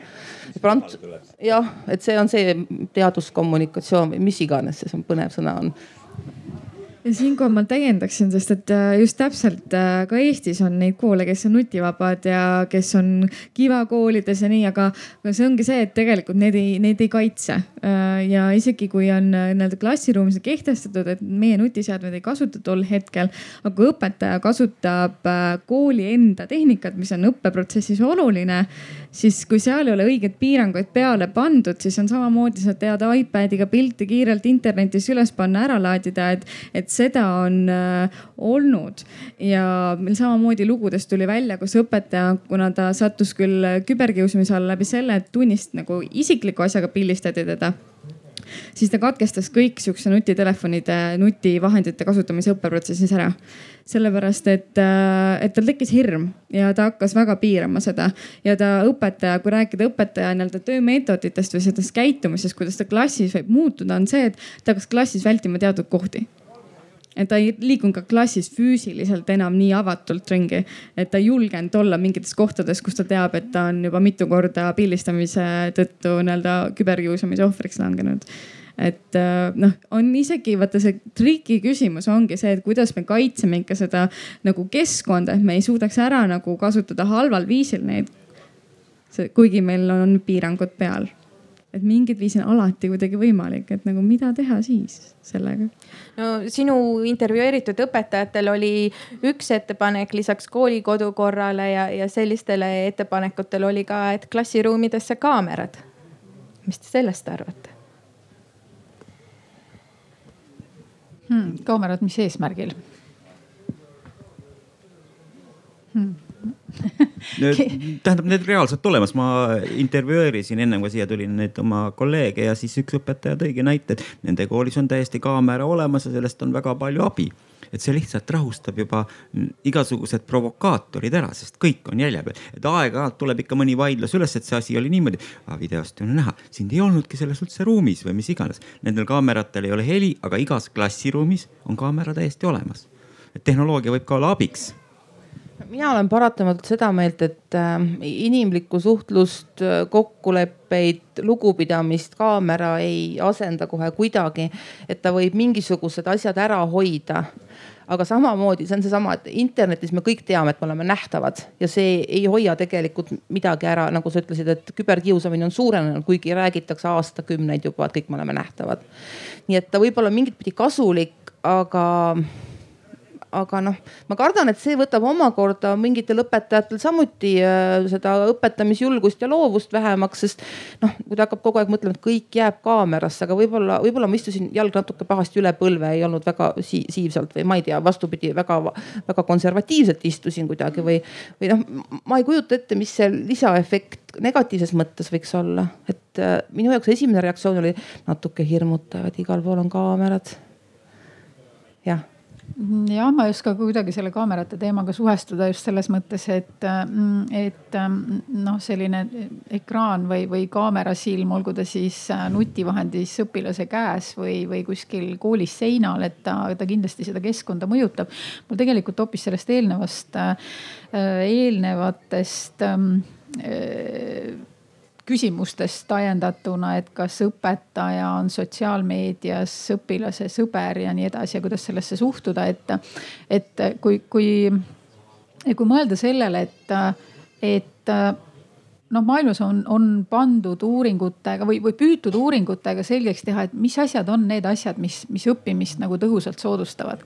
ja üks seal selles päris seal nende, nende nii-öelda positiivsete meetmete tipus on üks selline näitaja nagu õpilase ja õpetaja suhe, positiivne suhe ja, ja, ja see tähendabki seda, et tegelikult see on mõnes mõttes ka sellise kiusu ennetus aga see suhe kindlasti ei saa hakata toimuma või toimima läbi sellesama Facebooki või läbi selle, selle digikeskkonna.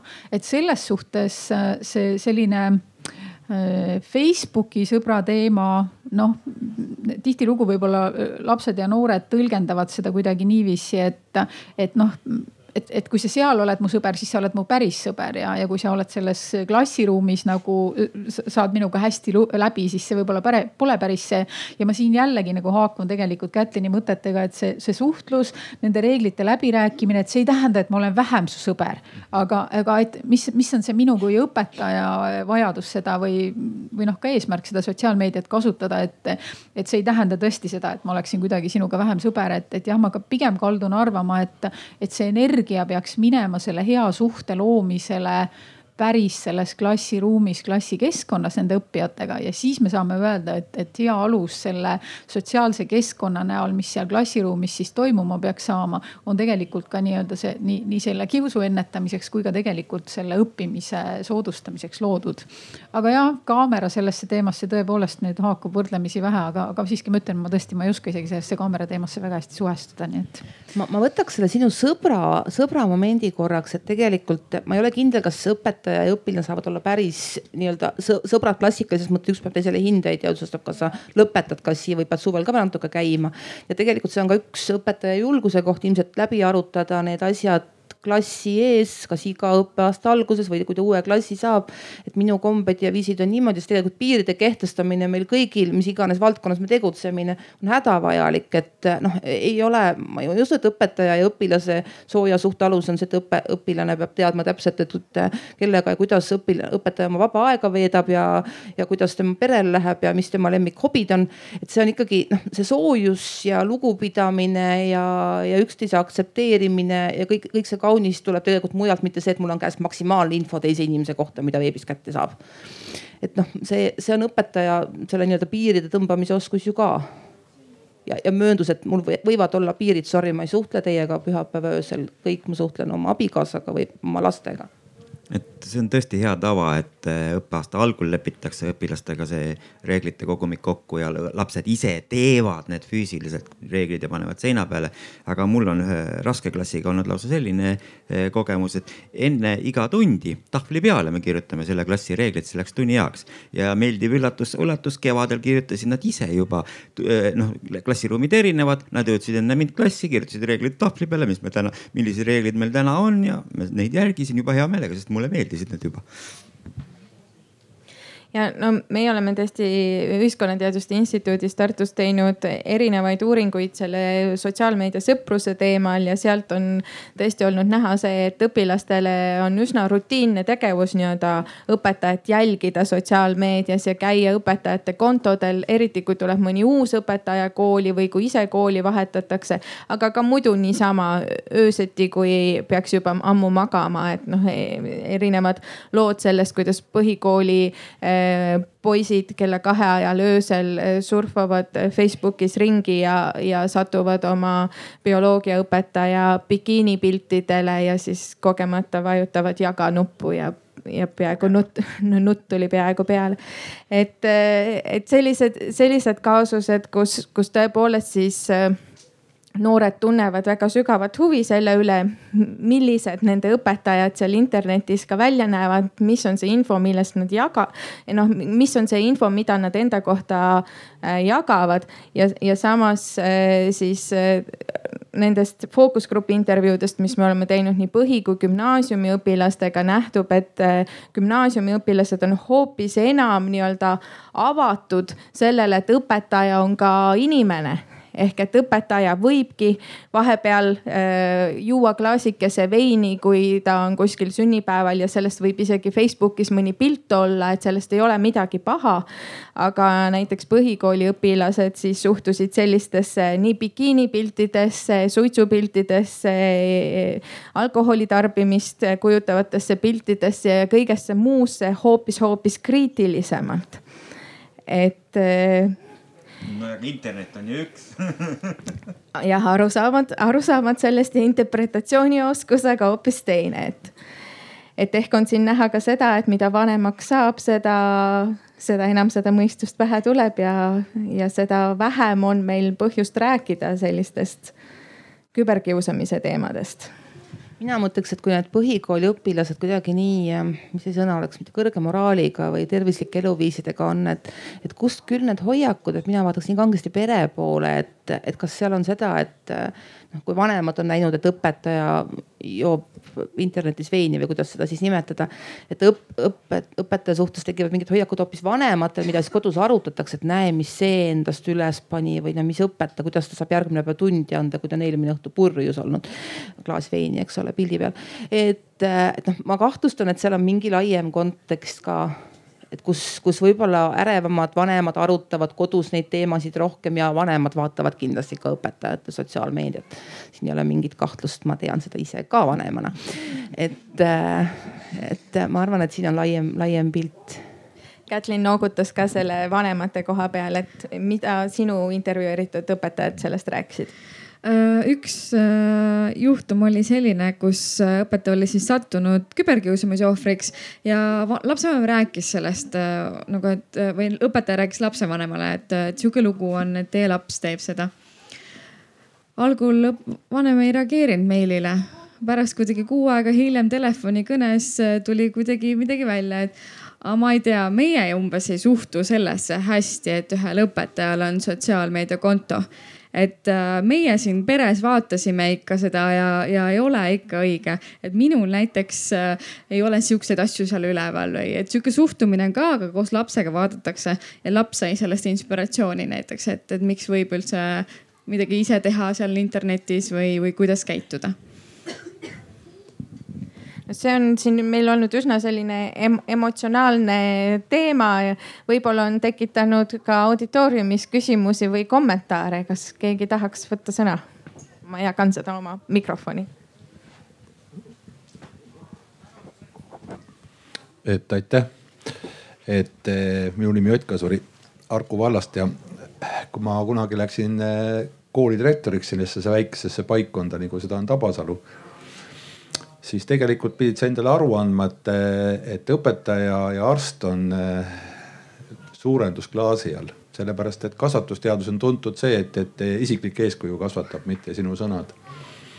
järelikult sa sellest külapoest nagu ei, alkoholi ei ostnud, ega ka mina kunagi ei ostnud, ega ei ostnud seda ka kohalikud arstid, ma panin seda tähele. juhul, kui me midagi sellist tahtsime teha, siis loomulikult me tegime seda alati oma koduseinte vahel ja, ja oma sõpruskonna seltsis, aga et me ka täna tegelikult seda äh, sotsiaalmeedias eriti ei afišeeri ühesõnaga. Et, et ma olen tähele pannud ka seda, et, et väga paljud tööandjad tegelikult vaatavad sotsiaalkontot ja tegelikult need pildid, mis on mõtlematult üles pandud, ühesõnaga võivad saada ka noortele inimestele ühe või teise elukutset, kui nad soovivad kandideerida, võivad saada saatuslikuks, nii et, et, et on teatud elukutsete puhul, mis, see on kindlasti nagu osa sellest võltsmoraalist võib-olla aga samal ajal jah, seda on, ta jätkuvalt on kuidagimoodi taunitakse teatud eh, ringkondades ehk, ehk tegelikult teatud elukutsed esindajad ehk siis see on kindlasti arstid ja õpetajad jätkuvalt on need, kes on tegelikult kõrgend-, nende vastu on kõrgendatud moraali nõudmised, midagi pole sinna teha. nüüd eh, kaamerate koha pealt hästi huvitav tähelepanek, et eh, ka Tabasalu ühisgümnaasiumis on kolmkümmend kuus valvekaamerat ja tegelikult ega see kaamera tegelikult on mõeldud ju selleks, et ta ei ole online'is. Küll aga ta on jah, jällegi tõendusmaterjal selleks, et, et kui tekivad vaidlused, siis on võimalik seda vaidlust kohtus tõestada. Ja viimane vaidlus on näiteks selline, kus üks lapsevanem sõimas läbi spordikompleksi teenindaja sellepärast, et koristaja oli öelnud tema lapsele halvasti loomulikult on see taunitav, et koristaja ütles lapsele halvasti, aga samal ajal ei olnud, ei ole ka see nagu alus selleks, et üks vanem võiks sõimata läbi teenindaja, kes tegelikult oli kolmas isik. ja täna tegelikult on asi kohtus ja, ja, ja see lindistus on siis kohtus on tõendusmaterjal, jah. nii et, et paratamatu on see, et, et ühte ja teistpidi, ühesõnaga loomulikult kõik asutused peavad oma töötajatele pakkuma teatud kaitset, sotsiaalset kaitset. aga, aga kindlasti digikiusamine on, on, on kindlasti selline temaatika, mis on läbi jooksnud ka ütleme, meil on niisugune sotsiaalmeediagrupp Harku vallas nagu Harku valla elanikud. üheksa tuhat nelisada jälgijat ja selle aja jooksul ma ütleksin nii, et, et on kaks juhtumit vähemalt, kus on äh, räägitud seda, et, et, et koolist pärit äh, selline mm, äh, siis küberkiusamine on aset leidnud ja, ja sellega on tulnud tegeleda. aitäh Margit Timakov, Eesti Õpetajate Liit ja Tallinna Ühisgümnaasium, et ma haakuks nagu selle mõttega, et tahaks ikkagi üles ehitada sellist usaldusele äh, toetavat äh, koolikultuuri ja, ja samas ma saan nagu aru sellest, et, et neid tõendusmaterjale on vaja, aga et, et see võib-olla muudabki selle kogu temaatika hästi kompleksseks, et, et see kodu on sealjuures, et see kodu ja kooli koostöö, et saadaks aru ühistest kokkulepetest, et mulle meeldib kutsuda neid äh, klassiruumi reegleid ikkagi kokkulepeteks, et, et vastastikku mõistetakse.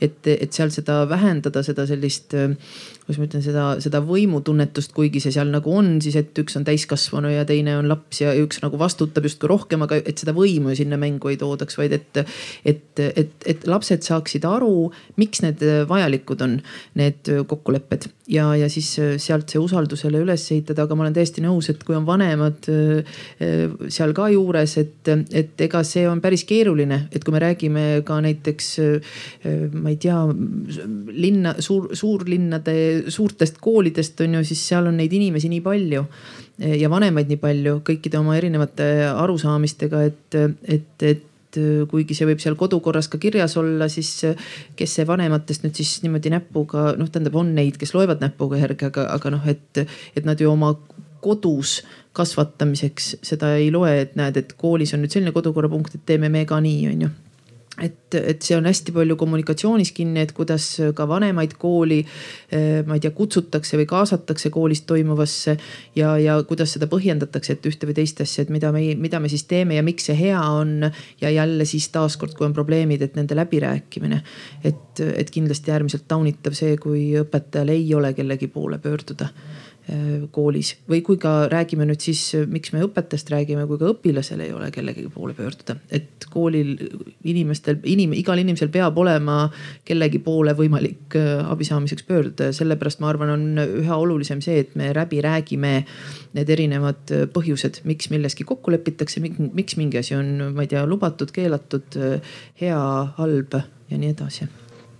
no üks instants, mis paljudes koolides on, aga kuigi mitte kõigis, on koolipsühholoogid ja seal Kätlini intervjueeritud õpetajatest mitmed tundsid, et neil ei ole võimalik tegelikult koolipsühholoogi juurde pöörduda, et, et äh, siin on see esimene samm siis tegelikult, et, et koolipsühholoog on seal kõigi, kogu koolipere jaoks, mitte ainult õpilaste jaoks ja, ja peaks ära kuulama hea meelega ka neid õpetajate muresid ja isegi õpetajatel oli idee, et äh, võib-olla mõelda sellele, et, et õpetajal oleks äh, psühholoog eraldi. keegi, kes oskaks äh, rääkida nendega või siis oleks õpetajatele antud juhtkonna ja koolipere poolt teada, et ka teie võite sinna minna oma murest rääkima. no kui, kui sa mind siia kutsusid, et siis ma kohe rääkisin sellest koolipsühholoogide ühingu esinaise, kui see täpselt tiitel on täpne, Karmen Maikaluga ja, ja tema ütles seda, et äh, koolipsühholoogi ülesanne on ka õpetajaid nõustada, toetada, olla ka selles nii-öelda diplomaadi rollis. nüüd on nii küsimus selles, kuidas iga kool seda defineerib ja mis seal salata, vahel ka selles, et kuidas iga psühholoog ennast tunneb äh, tugevalt. sest noh, minu jaoks, tema jaoks, mitmete jaoks on tavaline see, et koolipsühholoog peaks tegema ka, tegelema ka vanematega.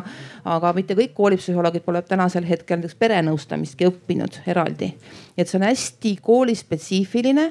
samamoodi on spetsiifiline, et mis roll kõrgemas mõttes on koolipsühholoogil koolis, et on koole, kus ta on juhtkonna liige tegelikult ehk siis siis ta on juba nagu noh, tema positsioon, autoriteet on natuke teine kui see, et tal on kusagil, kusagil taga on tal väike aknaga kab,, aknata kabinet. ja siis ta käib koolis kord nädalas, sest noh, koolis peab psühholoog olema. et äh, noh, see on igal koolil see mõtestamise koht, aga tegelikult nii-öelda seaduse järgi on koolipsühholoog ka ikkagi personali jaoks ja kindlasti nende noh keeruliste olukordade jaoks, mitte see, et ta võtab selle õpilase sinna ette loeb talle innukalt moraali, et noh, see ei ole psühholoogide mul on väga hea näite klassijuhatajana või kursusejuhatajana koolipsühholoogist just, et, et äh, olid, tulid uued õpilased ja ühe konkreetse aineõpetajaga tekkisid järjest kõigil, kõigil probleemid ja, ja siis äh, koolipsühholoog aitas siis just nimelt õpetajat juhendada, et kuidas, et teistel ju kellelgi ei olnud probleemi, aga noh mina ju ei oska seda ütlema minna. Ja siis psühholoog selle lahendas meeldivalt ära ja probleemid kadusid ära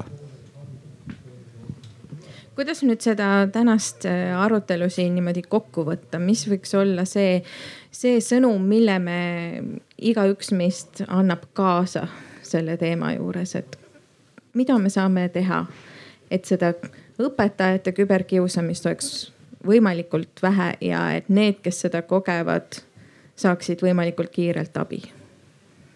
Hakkame võib-olla Kätlinist, kes saab siis jälle reflekteerida seda, mida õpetajad ise ootavad õpetajad ootavad tegelikult endasse julguse süstimist, et neil oleks tugi. Äh, peamine ongi see, et ta tunneks, et ta ei ole klienditeenindaja, et ta on peres, kus teda toetakse. et, äh, et koolis oleks see mõttelaad, et me oleme üks suur pere ja õpetaja on ka väärtus. ja et äh, tal oleks see inimene, kas õpilasena või siis, et õpilane kaastöötaja või siis juhtkond tõesti aitaks teda. eks mina ütleks niimoodi, et mõtleme selle peale rohkem süvenenult, et õpetajad julgeks rääkida esmalt nendest teemadest.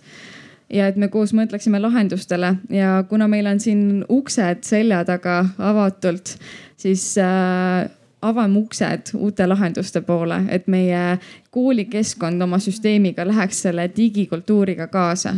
et me mõtleksime nendele riskidele, mis ka seal maailmas on no mis ma omalt poolt saan lisada, et äh, õpetajate ühenduste koostöökoda liidab aineliite ja meie põhieesmärk on toetada õpilase arengut ja just nimelt aineliidud, et kaasatus, võimalus rääkida kolleegiga väljastpoolt kooli võib-olla mõnest teemast, mida koolis ei julge rääkida.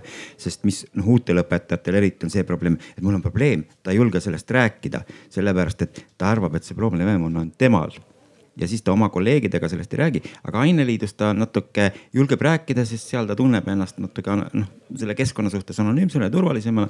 ja just nimelt aineliitude ja ainesektsioonide, neid on Eestis üle neljasaja. nii et nende kaudu õpilaste, õpetajate kaasatus ja, ja, ja nendest probleemidest rääkimine, mis ühiskonnas olemas on, nendest me räägime. ja selle kaudu saame keskkonna parandada no mina tuleks tagasi selle juurde, mida ma siin alguses juba mainisin, et minu meelest meie kõigi suurte inimeste mõtlemiskoht on see, kuidas me ise loome seda kübersuhtlemise, netihügieeni ja nii edasi, millega me oleme eeskujuks tegelikult et on väga silmakirjalik, kui me laste puhul õiendame, pahandame, oleme sügavalt nördinud käitumist ja pärast ise praktiseerime netikeskkonnas pidevalt. kuidas me seal kusagil sõna võtame, milliseid meeme me ka levitame, keegi, sest noh, mina sain selle tunde kätte, kui minul see nii-öelda küberkiusamise juhtum oli. üks inimene julges mulle öelda, et aga vaata, sina umbes oled nagu lõpmata õnnetu, kui sinust sihuke pilapilt tehti, aga, aga mõtle et mõtle ise, et ega sa juhuslikult pole nii-öelda naernud või arvanud, et väga vaimukas, kui kellestki teisest enesest on seda tehtud ja see oli minu jaoks mõtlemise koht, sest no mõtled küll, et noh, et poliitikud ja siis on veel mingi salapärane avaliku elu tegelaste seltskond, et nemad on noh, kõik on külma kõhuga, nendes võib irvitada ja väga nõmedusi rääkida. aga tegelikult mõtleks seda ise ka neti käitudes see oli inetu sõna, et mis, mis jälje me ise jätame ja mõtleks ka sedapidi, et kui minuga käitutakse nii, nagu mina ise parasjagu seal teistega käitun või kellegagi kuidagi sõna võtan või, või kommenteerin või midagi jagan. kuidas ma siis ise tunneksin, kui minuga niimoodi tehtaks? et seda teise kingadesse ja teise, teise mätta otsa asetumist praktiseeriks rohkem. ma arvan, et sellest võiks abi olla noh, ma ilmselt haakun kõikide eelnevate mõtetega, aga mis mulle endale nagu tundub, et võiks olla oluline, on selle mm,, selle küsimuse või selle teema teadvustamine. et äh, mul on tunne, et tegelikult võib-olla väga paljudes koolides ei mõelda veel sellele või ongi täpselt nii, et on see ühe inimese probleem, aga see ei ole kuidagi, kuidagi tulnud nagu, nagu suuremas pildis jutuks et see on kindlasti üks, üks viis sellest rohkem rääkida, noh ka, ka tegelikult tänane arutelu siin selle kenasti ju seda eesmärki täidab. ja, ja teine mõte, mis mul tekkis, on ikkagi julgustada koos mõtlema nendele lahendustele, et ühest küljest see kindlasti suurendab õpetajate endi teadlikkust nendest küsimustest, ka nende õpetajate puhul, kes ei ole võib-olla olnud selle probleemiga kokku puutunud. Äh, ja, ja, ja teisest küljest äh, tegema seda koos õpilastega. et ma ei tahaks mitte kuidagi kunagi ühegi sellise reeglite või kokkulepete sõnastamise juurest välja jätta õppijaid, sest ühest küljest on see õppimise protsess ja teisest küljest, mida enam me õppijaid selliste selliste kokkulepete tegemise juurde kaasame, seda enam saavad nad selle, selle vajadusest aru või, või, või, või, või sellest aru, miks me üldse selliseid kokkuleppeid teeme ja miks kokkulepped ühise heaolu pärast üldse olulised on. nii et sellised mõtted no mul jääb ainult äh, kõigi nende heade mõtetega nõustuda ja, ja selles mõttes ma tahan öelda suur aitäh Kätlinile, kes võttis selle teema uurida, et äh, tuua need erinevate õpetajate lood tegelikult oma magistritööga esile.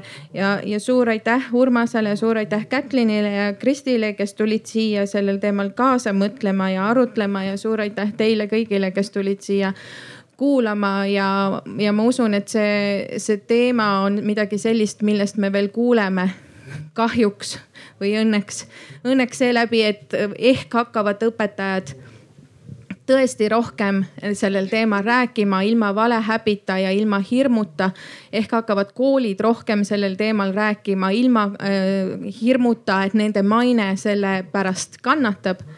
ja, ja kahjuks ilmselt seetõttu, et see teema ja kiusamine küberkeskkonnas ei ole midagi sellist, meil on, mida meil on võimalik lõputult täielikult välja juurida.